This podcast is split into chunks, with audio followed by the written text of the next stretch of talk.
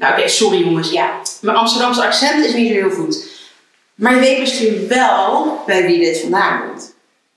De vraag die ik heel vaak krijg is of er quotes, stukjes tekst uit uh, songteksten of uit boeken gebruikt mogen worden om op producten te drukken.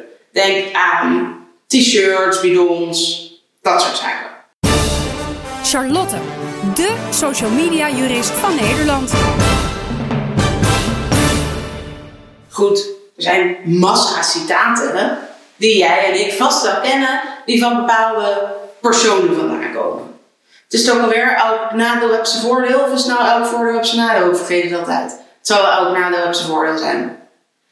Die komt natuurlijk van Johan Cruijff. Net zoals dat, dat is logisch. Nou, zo zijn er wel meer van die citaten die misschien op zichzelf eigenlijk helemaal niet zo uniek zijn. Maar die we vooral kennen omdat ze bij bepaalde personen vandaan komen.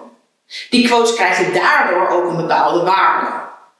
Dat zorgt er dan weer voor dat het super interessant kan zijn om die citaten, om die quotes te drukken op producten en dat te verkopen.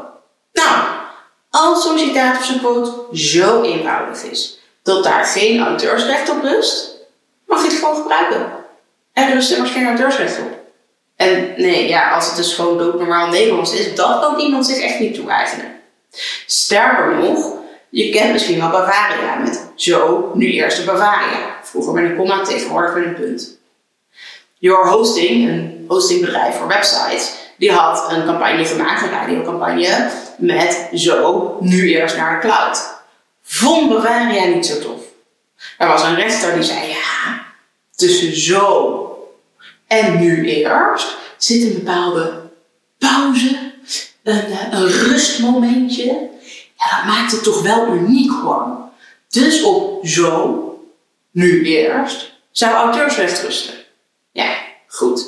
Daar was de hosting het natuurlijk niet mee eens. Dus nadat ze bij de rechtbank waren geweest en dit vonnis hadden gekregen, gingen ze het hoger opzoeken bij het gerechtshof. Nou, wat, uh, wat zei het hof vervolgens?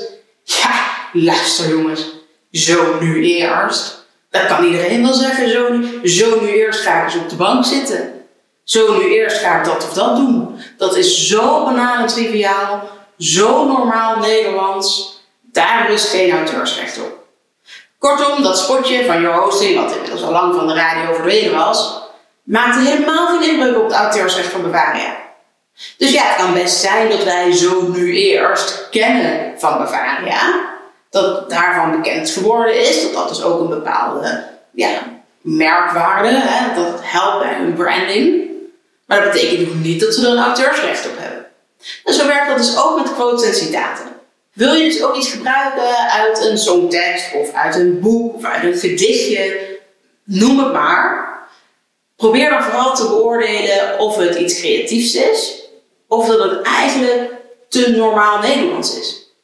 Want als het dus iets normaal Nederlands is, die paar losse zinnen die je gebruikt, maar het vooral bekend is door de bron waar het vandaan komt, dan is er niks aan de hand en mag je het gewoon gebruiken. Je moet pas uitkijken wanneer er een bepaalde creativiteit in zit. Dus juist in kromme zinnen, die soms wel eens in gedichtjes of liedteksten terugkomen, ja, daar zou dan juist wel een auteursrecht op kunnen rusten. Probeer dus vooral te bedenken, is het normaal Nederlands? Antwoord ja, dan mag je het gebruiken.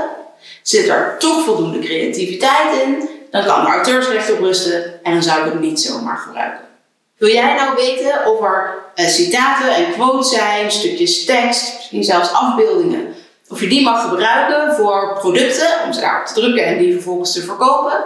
Maak vooral even een afspraak me. Zet alles op een rijtje, lopen we ze gewoon even langs, kan ik vertellen wel of niet of een twijfelgeval.